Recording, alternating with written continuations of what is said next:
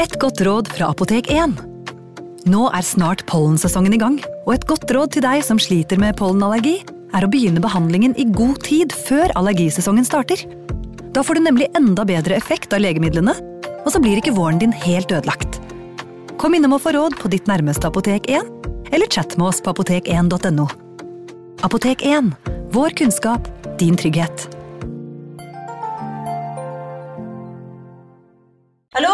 Jeg kommer fra Oslo politikammer. Ine Jansen er purk. Er du purk? The motherfucking bitch. Alt jeg vil, er å finne ut hva som skjedde med mannen min. Jon Carew. Er jeg sikta for noe? Iben Akeli. Det er du. Ole So, Lars Berrum og Big Daddy Karsten. Hvem sin side er du på, egentlig? Anette Hoff, Tone Danielsen, Kommer du fra Afrika? Jørnis Josef, Nesten kløfta. Trond Espen Seim, Det er synd å si det, men det var feil mann som døde. Purk. Premiere tirsdag på TV2 Play. Ungsamtalen fra DNB er økonomisk veiledning tilpasset deg som er ung. Bokk en ungsamtale på dnb.no. slash ung. Det er kjempebra hvis du skal inn på boligmarkedet, hvis det er drømmen din, liksom. Det er det du skulle sagt. Og så kunne du ropt litt mer, da, sånn som jeg gjorde. Bam! Advarsel. Denne podkasten inneholder skildringer av ekte drap og kriminalsaker som kan være støtende for enkelte. Det advares også mot sterke inntrykk i deler av episoden. Alaskas villmark er stor, vill og vakker. Krystallblå innsjøer, omkranset av grønne skoger og høye fjell, har gjort området til en populær turistdestinasjon.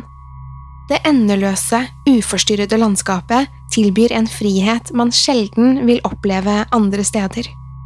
Her kan man være i fred fra omverdenen, fri for storbyens mas og kvelende folkehav. Man er nesten garantert å kunne gå uforstyrret uten å støte på andre mennesker. Her er man fri til å gjøre som man vil, ingen vil uansett se deg. Du kan skrike for full hals, men ingen vil noensinne høre dine rop om hjelp. Sherry Morrow løp gjennom Alaskas ville skoger. Hun var naken, men dette var ikke hennes forsøk på å bli ett med naturen. Sherry var livredd. Tårene strømmet nedover kinnene hennes mens øynene var dekket til. Halsen hennes var sår fra de desperate ropene. Hun visste innerst inne at det var håpløst, men hva annet kunne hun gjøre? Hun skrek igjen og kjente halsen revne. Blodsmaken fylte munnen hennes. Naturens stillhet tilbød henne ingen trøst. I dette øyeblikket lengtet Sherry etter storbyen, etter biler, lyder og mennesker. Her ute var hun ubrukelig, fullstendig hjelpeløs mot de ville elementene. Sherry var nemlig ikke en friluftsperson. Hun hadde ikke kommet hit for å nyte naturen. Dette var ukjente omgivelser for henne, og hun hadde ingen anelse om hvor hun var. Hun ante heller ikke hvor hun var på vei. Sherry stoppet et øyeblikk og forsøkte å orientere seg. Hun prøvde å gjenvinne pusten mens hjertet hamret i brystet. Rundt henne var det bare trær. I det fjerne kunne hun høre suset fra det som måtte være en stor elv. Så hørte hun at det raslet i trærne bak henne. Sherry Morrow hadde blitt ført hit mot sin vilje og var nå i livsfare. Hun var nemlig ikke helt alene i villmarken. Sherry ble forfulgt av en bevæpnet mann. Han var jeger, og Sherry var nå hans byttedyr. Sherry forsto at jegeren var i ferd med å ta henne igjen. Hun bestemte seg for at hennes beste mulighet var å løpe mot elven og la på sprang. Det siste hun hørte, var et høyt smell før alt svartnet rundt henne. Velkommen til True Crime Poden.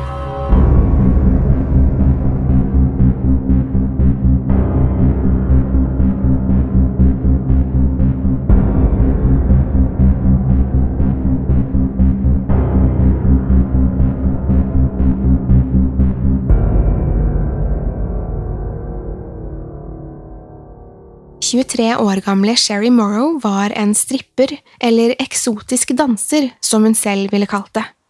Hun hadde tjent til livets opphold i Anchorage, en av de største byene i Alaska.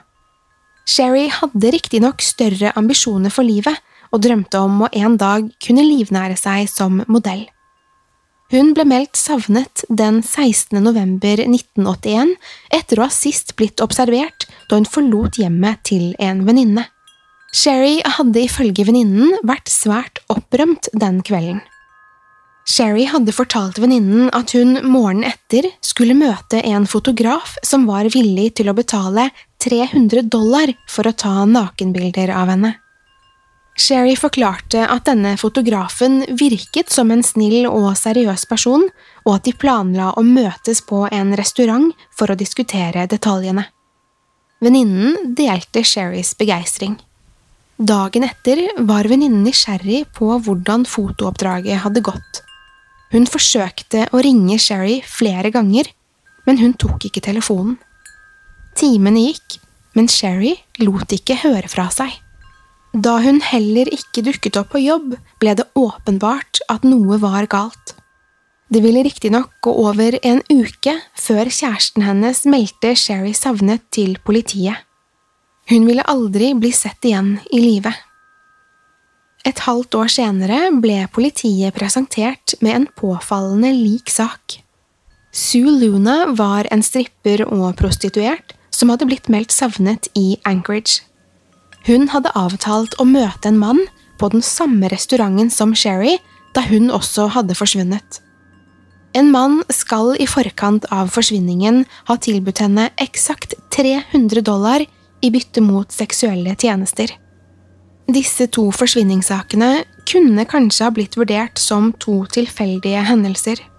Politiet så det nemlig ikke som uvanlig at slike kvinner forsvant uten forvarsel men pengesummen og valget om å møte en fremmed mann på den samme restauranten var nok til å mistenke at disse forsvinningene kunne henge sammen. 300 dollar var også en uvanlig stor pengesum for tjenestene de hadde blitt bedt om å utføre. Det var flere grunner til å frykte at dette kun var toppen av isfjellet.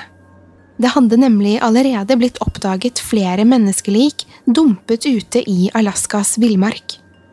Ofrene var unge, attraktive kvinner, og de fleste hadde jobbet som strippere eller prostituerte. Dette var en profil som passet perfekt med Sherry og Lunas. Politiet fryktet nå at Sherry Morrow og Sue Luna hadde møtt den samme skjebnen som disse kvinnene. Snart ville deres mistanker bli bekreftet. Det skulle gå nesten et år før politiet fant ut av hva som hadde skjedd med Sherry Morrow. Svaret kom ikke fra grundig politiarbeid, hun ble oppdaget ved en ren tilfeldighet. To politibetjenter nøt en fridag i Alaskas storslåtte villmark. Den friske luften og vakre naturen var akkurat det de trengte. Det var en nødvendig avkobling fra hverdagens mas og kjas. De var ute på jakt over 40 mil fra Anchorage. De hadde kjørt båt langs Nick River og befant seg nå i et område som kun var tilgjengelig via båt eller småfly. Her var det ikke noe annet enn naturen og ville dyr på mils avstand. Dette var uforstyrret grunn, tenkte de, men så i en av sanddynene i elva la de merke til noe som stakk opp av jorda. Det virket unaturlig, som om det ikke hørte hjemme ute i ingenmannsland. Det måtte være menneskeskapt. Da de gikk nærmere for å undersøke hva det var, forsto de raskt hva de hadde oppdaget. Foran dem var en nedbrutt menneskekropp, bare delvis dekket av grus og sand. Dette var liket til Sherry Morrow. Liket ble fraktet til rettsmedisineren som undersøkte kroppen. Sherry hadde blitt skutt i ryggen av en jaktrifle, og ansiktet hennes var pakket inn i plast. Rettsmedisineren kunne bekrefte at hun hadde dødd av skuddskadene, men kunne peke på en underlig detalj. Sherry hadde blitt funnet påkledd, men det var ingen kulehull i klærne hennes. Alt tydet derfor på at Sherry hadde vært naken da hun ble drept, for deretter å ha blitt kledd på etter at døden inntraff. Dette var altså ikke snakk om en jaktulykke. Det måtte ligge noe langt mørkere bak dette drapet. Sue Luna ble ikke funnet før to år senere. Hun ble funnet drept på samme måte som Sherry. Liket lå nakent midt i villmarken, uten noen forklaring på hvordan hun havnet der. Hun hadde i likhet med Sherry blitt skutt bakfra. Alt tydet på at hun hadde blitt jaktet på som et byttedyr ute i villmarken. Sherry Morrow og Sue Luna var to av en rekke unge kvinner som ble funnet i Alaskas villmark. Noen var skutt, andre knivstukket, men de hadde alle blitt voldtatt. Politiet fryktet at de sto overfor en forskrudd seriemorder, men enn så lenge sto de uten noen konkrete ledetråder. Den 15. februar 1939 ble Robert Hansen født i den lille byen Esterville i Iowa. Robert var en innesluttet og sjenert gutt som tilbrakte mesteparten av tiden sin alene. Han var liten av vekst, hengslete, plaget av uren hud, og han stammet konstant da han pratet. Dette gikk kraftig utover selvtilliten hans, og han hadde lite suksess når det kom til å tiltrekke seg en kjæreste. Robert ble stadig avvist av jentene han likte, som gjorde han frustrert og bitter. Han så hvordan de andre guttene fanget interessen til de samme jentene som han forelsket seg i, mens han var tvunget til å høre på historiene om deres eskapader. Denne frustrasjonen utviklet seg til en dyp forakt, ikke bare mot jentene som avslo han, men mot alle kvinnene i verden. Robert anså dem alle som overfladiske, grunne skapninger, og han begynte tidlig å fantasere om å hevne seg for de mange avslagene. Robert Hansen deler mye av karakteristikken med menn som i dag omtaler seg selv som incels.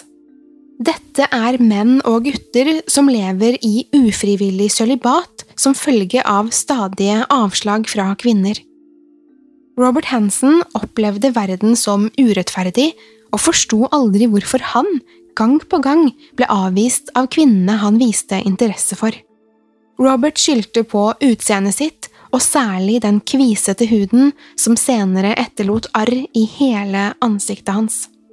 Han følte seg ydmyket gjennom hele skolegangen og hatet hvordan de andre elevene lo av ham bak ryggen hans. Robert fikk heller ikke mye sympati på hjemmebane. Hans danske far var en streng mann som var mer opptatt av disiplin enn omsorg.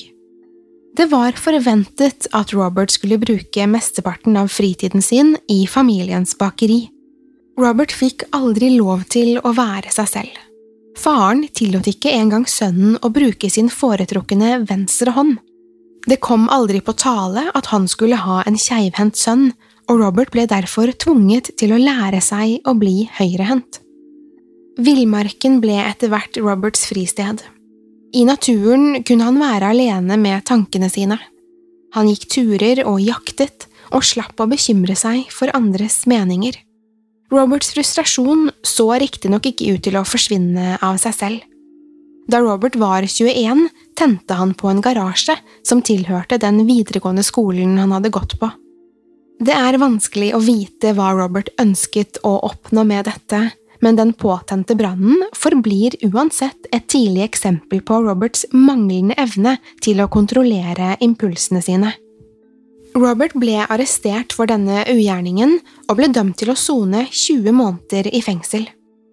I fengselet ble det gjennomført flere psykiatriske vurderinger av ham, og de fant flere bekymringsverdige sider ved hans personlighet.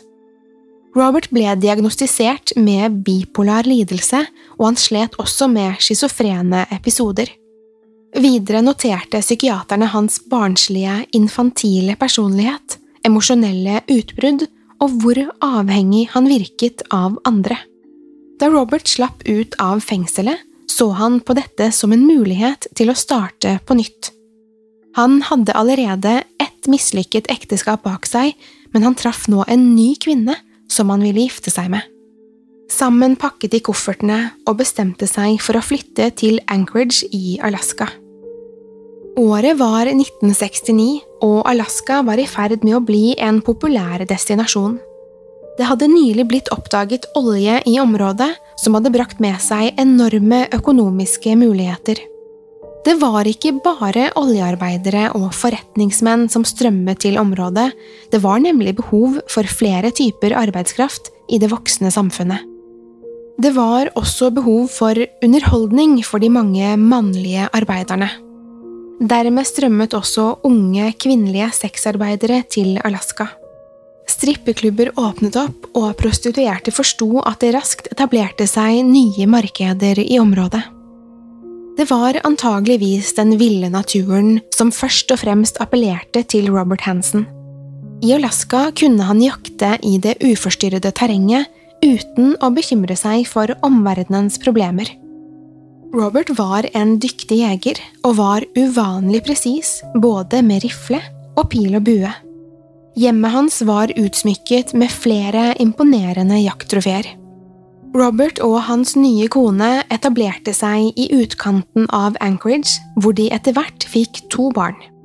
Robert fulgte i sin fars fotspor og åpnet et lite bakeri på et lokalt kjøpesenter som snart ville bli populært blant lokalbefolkningen. Livet så ut til å smile til Robert. Han hadde en familie, en trygg inntekt og flere hobbyer. I tillegg til jakt hadde Robert en spesiell fascinasjon for fly og tok etter hvert flysertifikatet. Han kjøpte seg et lite bushfly som han brukte til å utforske Alaskas uendelige villmark. Bak fasaden skjulte riktignok Robert Hansen en mørk hemmelighet. Robert var stamgjest på de lokale strippeklubbene og han hadde rykte på seg som en spesiell karakter. Han nærmet seg aldri de ansatte, og ventet heller på at de skulle komme til ham. Flere av de ansatte på disse strippeklubbene tilbød også seksuelle tjenester for den rette prisen. Da de kom bort til Robert og spurte om han ønsket å betale for litt moro, ville han endre syn på disse kvinnene. I hans egne ord var de ikke lenger anstendige jenter, han så det derfor som fritt frem for han å gjøre hva enn han ønsket med dem. I Roberts hode fortjente ikke disse prostituerte kvinnene å bli behandlet som medmennesker. Du kan vel ikke voldta en prostituert, skal han ha uttalt. Flere kvinner varslet politiet om Robert Hansen allerede på 70-tallet. Han hadde allerede rukket å opparbeide seg et rykte som en gærning som tente på voldtektsfantasier. Robert klarte ikke å holde seg unna trøbbel og ble i 1971 arrestert for seksuelle overgrep mot to kvinner. Han ble dømt til å sone en kortere fengselsstraff, men var snart fri til å fortsette der han slapp. Han mottok en strengere straff da han i 1976 ble dømt for å ha stjålet en motorsag. Opprinnelig ble Robert dømt til å sone fem år i fengsel, men han slapp fri etter å ha anket saken.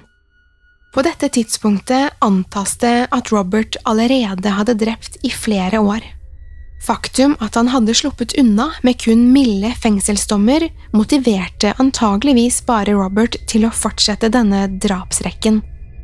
Enn så lenge hadde ikke politiet noen idé om omfanget av Roberts avvik. Den 13. juni 1983 plukket Robert opp 17 år gamle Cindy Paulsen. Robert ønsket at hun skulle utføre oralsex på ham og tilby henne 200 dollar for å bli med ham hjem. Han la henne i jern, pekte en pistol mot henne og tvang henne inn i bilen sin. Robert kjørte Cindy til hjemmet sitt. Kona og barna var bortreist, så Robert hadde hele huset for seg selv. Han brakte med seg Cindy inn og lenket henne fast i kjelleren. Robert begynte så å forgripe seg på henne. Over de neste timene ble Cindy utsatt for brutal tortur og voldtekt. Cindy var prostituert, og dette var ikke første gang en kunde hadde vært røff mot henne. Hun forsto riktignok at det var noe utenom det vanlige med Robert. Han var nemlig ikke fornøyd med å kun voldta henne. Cindy hadde regnet med at han ville slippe henne fri så snart overgrepet var overstått, men Robert hadde større planer. Robert tvang igjen Cindy med seg inn i bilen sin og fortalte at han planla å ta henne med til hytten sin før han ville slippe henne fri. Håndjernene var stramme rundt håndleddene, og hun visste at han var bevæpnet. Hun innså at det ville være selvmord å forsøke å nekte. Cindy lå i lasterommet på Roberts pickup og forsto at hun nå var i livsfare. Hun innså at hun var på vei til sin egen henrettelse. Cindy forsøkte å få noen blikk av omverdenen. Hun lette etter noen gjenkjennelige landemerker, men ante ikke hvor bilen var på vei. Da bilen stanset, befant de seg på en flyplass. Dette var det siste Cindy hadde forventet seg. Frykten blandet seg nå med forvirring, og tankene spant rundt i hodet hennes. Hun forsto at hun fremdeles var i livsfare, men ante ikke hva Robert planla å gjøre med henne. Sansene hennes jobbet på høygir, men Cindy var fast bestemt på å notere seg hver minste detalj i tilfelle hun skulle komme herfra i live. Robert virket rolig. Han ledet Cindy til et lite bushfly og begynte å laste flyet med diverse utstyr. Cindy forsto at dette var hennes siste mulighet til å komme seg unna i live. Mens Robert lastet flyet med jaktutstyr, samlet Cindy alle sine krefter og alt sitt mot og la på full sprang. Hun løp så raskt hun kunne, og så seg aldri tilbake. Cindy ble observert igjen da hun løp barbeint nedover en landevei på vei mot Anchorage. Håndjernene var fremdeles rundt hendene hennes. Hun ropte desperat om at noen måtte hjelpe henne. Hun skrek at det var noen som forsøkte å drepe henne. En bil stanset langs veien og tilbød å kjøre henne til politiet. Cindy Paulsen visste ikke hvilken forferdelig skjebne hun nettopp hadde unngått. Cindy kom med detaljerte beskrivelser av Robert og flyet hans. Hun hadde til og med memorert registreringsnummeret på flyet. Hun fortalte politiet hvordan Robert Hansen hadde voldtatt henne, for å så tvinge henne med seg til dette flyet. Cindy hadde klart å holde hodet kaldt gjennom hele forløpet. Hun hadde til og med sparket av seg skoene sine i Roberts bil, så det ikke skulle være noen tvil om at hun fortalte sannheten. Til tross for dette vitnemålet endte ikke politiet opp med å arrestere Robert. Han hadde nemlig alibi for dette tidsrommet. To av hans kamerater kunne bekrefte at han hadde tilbrakt kvelden sammen med dem. Cindys fortelling ble vurdert som mindre troverdig som følge av at hun var prostituert, og Robert var tross alt en oppegående familiemann. Robert forklarte seg for politiet og avviste Cindys anklager. Til tross for hans kriminelle rulleblad valgte de å ikke anholde Robert for overgrepet på Cindy Paulsen. Robert forsvant ikke helt fra politiets søkelys og ville snart havne på deres radar igjen. De mange likfunnene ute i villmarken forundret fremdeles politiet. Minst tre av disse kvinnene var antatt å ha blitt drept av samme gjerningsmann. Det lokale politiet følte seg rett og slett ikke kvalifisert for å løse en så komplisert sak. FBI ble derfor involvert i håp om at deres ekspertise på seriemordere kunne bidra til en opprulling av saken. FBI kunne bistå med en detaljert psykologisk profil av denne antatte morderen. Profilen de satte sammen, mente at gjerningsmannen antageligvis var en sjenert og lite selvsikker mann. Morderen hadde antageligvis en trøblete historie med kvinner, og var sannsynligvis en erfaren jeger og friluftsmann.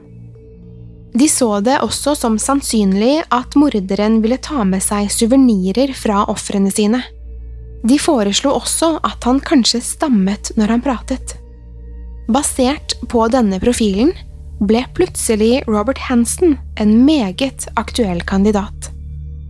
Den psykologiske profilen FBI satte sammen, kunne like godt ha vært en beskrivelse av Robert. Alle punktene samsvarte med hans personlighet og væremåte. Utenforskapen, frustrasjonen og stammingen hadde vært med på å gjøre Robert til den han var. Nå var dette i ferd med å avsløre han som en morder. Politiet bestemte seg for å ransake Roberts hjem, bil og fly, i håp om at dette kunne koble han til noen av drapene. Det ble snart gjort funn som overbeviste politiet om at dette var deres mann. De fant ikke bare smykker og andre suvenirer knyttet til ofrene, de fant også et kart over områdene der flere av kvinnene hadde blitt funnet. På dette kartet var det tegnet inn flere x-er som korresponderte med lokasjonene for likfunnene. Dette kartet gjorde også at politiet kunne oppdage flere lik av hittil ukjente ofre. Robert Hansen forsøkte å nekte for drapene, men innså raskt at dette var fåfengt. De mange bevisene mot ham gjorde det umulig å bortforklare. Han begynte derfor å fortelle i grusom detalj om de mange drapene han hadde utført. Fra begynnelsen på 70-tallet hadde Robert kidnappet, voldtatt og drept minst 17 kvinner. Antallet drepte antas riktignok å være langt høyere. Robert var nemlig mer enn bare en morder eller overgrepsmann. Han hadde en sadistisk tilnærming til disse drapene, hvor han kombinerte sine to lidenskaper, kvinner og jakt. Han hadde voldtatt nesten alle sine ofre, men de som ikke kjempet imot, hadde gjerne en større sjanse for å overleve. I noen tilfeller ville han ofte frigi kvinnene med en trussel om å aldri fortelle noen om hva de hadde blitt utsatt for. De som forsøkte å motstå han, ville bli utsatt for et annet aspekt av Roberts forskrudde fantasi. De ble nå hans bytte, fanget i Roberts syke lek. En lek som ikke endte før han hadde plantet en kule i sitt offer. Favorittområdet hans var langs Nick River. Han fløy kvinnene til slike gudsforlatte områder som knapt var mulig å nå på andre måter. Han hadde begynt å fly kvinnene ut i ødemarken for å kunne gjøre akkurat som han selv ønsket med dem. Og det som ga Robert mest glede, var å jakte på disse kvinnene som ville dyr. Han foretrakk kvinner som ville kjempe med nebb og klør for livene sine. Han tente på desperasjonen mens de løp i dødsangst gjennom skogen. Han kledde dem nakne og ville ofte binde hendene deres. I noen tilfeller ville de også få bind for øynene, så de ble fullstendig hjelpeløse. Dermed kunne han spasere rolig gjennom skogen mens han ventet på en perfekt anledning til å avfyre det dødelige skuddet. Han kjente, i motsetning til kvinnene, disse områdene svært godt. Han var stort sett bevæpnet med en kraftig jaktrifle, noen ganger valgte han pil og bue. Dersom han følte for å skitne til hendene sine, valgte han en jaktkniv som drapsvåpen. Uansett hvilken metode han valgte, forsikret Robert seg om at kvinnene følte på den altoppslukende dødsangsten til siste sekund. Denne menneskejakten kunne foregå i flere timer, og Robert nøt hvert eneste sekund. Kvinnene var forsvarsløse, etterlatt nakne midt ute i Alaskas villmark. Dersom ikke Robert hadde drept dem selv, ville de neppe overlevd lenge på egen hånd. Robert ga disse kvinnene følelsen av å ha en sjanse, følelsen av at de kunne slippe unna hvis de bare løp raskt nok. Mange av Roberts ofre ville aldri bli identifisert. Mange har antageligvis aldri blitt funnet. Robert Hansen fikk tilnavnet The Butcher Baker etter at han ble avslørt som mannen bak drapene i Anchorage. Dette navnet spiller på de to ulike sidene av personligheten hans. På den ene siden finner vi den milde, vennlige bakeren som ingen trodde kunne gjøre en flue fortred. På den andre siden eksisterte en forskrudd sadist som fant en pervers tilfredsstillelse i å jakte på kvinner som byttedyr. Det var også disse kontrastene som gjorde at Robert kunne gå ustraffet så lenge. Ingen mistenkte at han kunne være en morder, han var jo bare en stille, innesluttet familiemann. Etterforskerne i saken uttrykte tvil om Robert virkelig kunne være en drapsmann. De så ikke for seg at en så liten og forsiktig mann kunne bære på så mye ondskap. Under tilståelsene forsto de riktignok at det skjulte seg et monster bak Roberts milde fasade. Historien om Robert Hansen, The Baker Butcher, forblir like skremmende den dag i dag. Skjebnen han dømte sine ofre til, var sadistisk. Deres siste timer ble til ubeskrivelige mareritt. Frykten de følte mens de ble jaktet gjennom skogen, var altoppslukende. Kvinnene visste at de ble jaktet av en gal mann, og at han når som helst kunne ta deres liv, men døden kom ikke umiddelbart. Det var Robert som bestemte hvor lenge dette dødsspillet skulle foregå, og han ville nyte det så lenge som mulig. Roberts fantasier var komplekse, men samtidig svært spesifikke. Han ønsket å vende om maktforholdet som alltid hadde preget hans relasjon til kvinner. I villmarken var Robert i kontroll. Han var i sitt rette element, og kvinnene var hjelpeløse og desperate. Dette speilet hvordan Robert hadde følt seg tilbake i sivilisasjonen. Han var klønete, sjenert og ute av stand til å forstå sosiale konvensjoner. På jaktmarken var det hans regler som rådet. Dette behovet for kontroll og dominans sto sentralt i Roberts fantasier. Det var ikke nok for ham å ha seksuelle relasjoner til disse kvinnene. Han måtte voldta dem og torturere dem. Robert ville nedverdige disse kvinnene fullstendig. De representerte alle kvinnene som hadde avvist ham, alle som hadde fått ham til å føle seg mindreverdig gjennom livet. Disse overgrepene var Roberts hevn på urettferdigheten han hadde følt i oppveksten. Robert hadde bevisst pekt ut ofre som hadde blitt marginalisert av samfunnet. Dette var kvinner som ofte hadde brutt kontakten med familiene sine. Da de forsvant, var det ikke nødvendigvis noen som meldte dem savnet. Det var heller antatt at de hadde stukket av for å begynne et nytt liv på et nytt sted. Selv da hans gjerninger ble meldt til politiet, ble disse kvinnenes vitnemål avvist. Denne historien er et tragisk eksempel på holdningene ofre for overgrep kan møte når de melder inn slike forbrytelser. De ble møtt med tvil og forsøk på å svekke deres troverdighet. Robert Hansen trengte ikke å gjøre annet enn å nekte for å ha noe med disse overgrepene å gjøre. Hans tynne alibi var nok til å renvaske ham.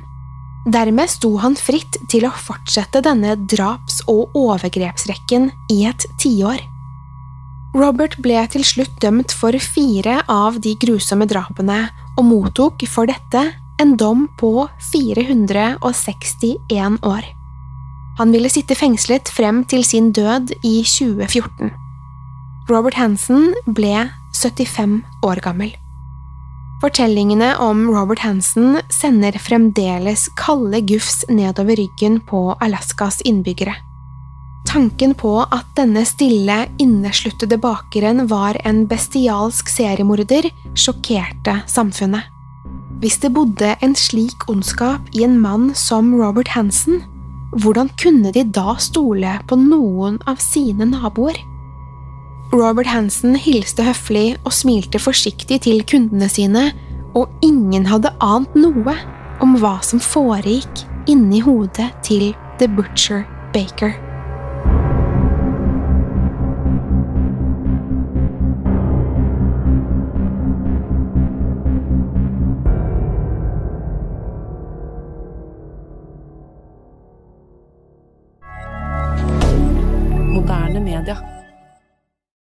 Har du et enkeltpersonforetak eller en liten bedrift?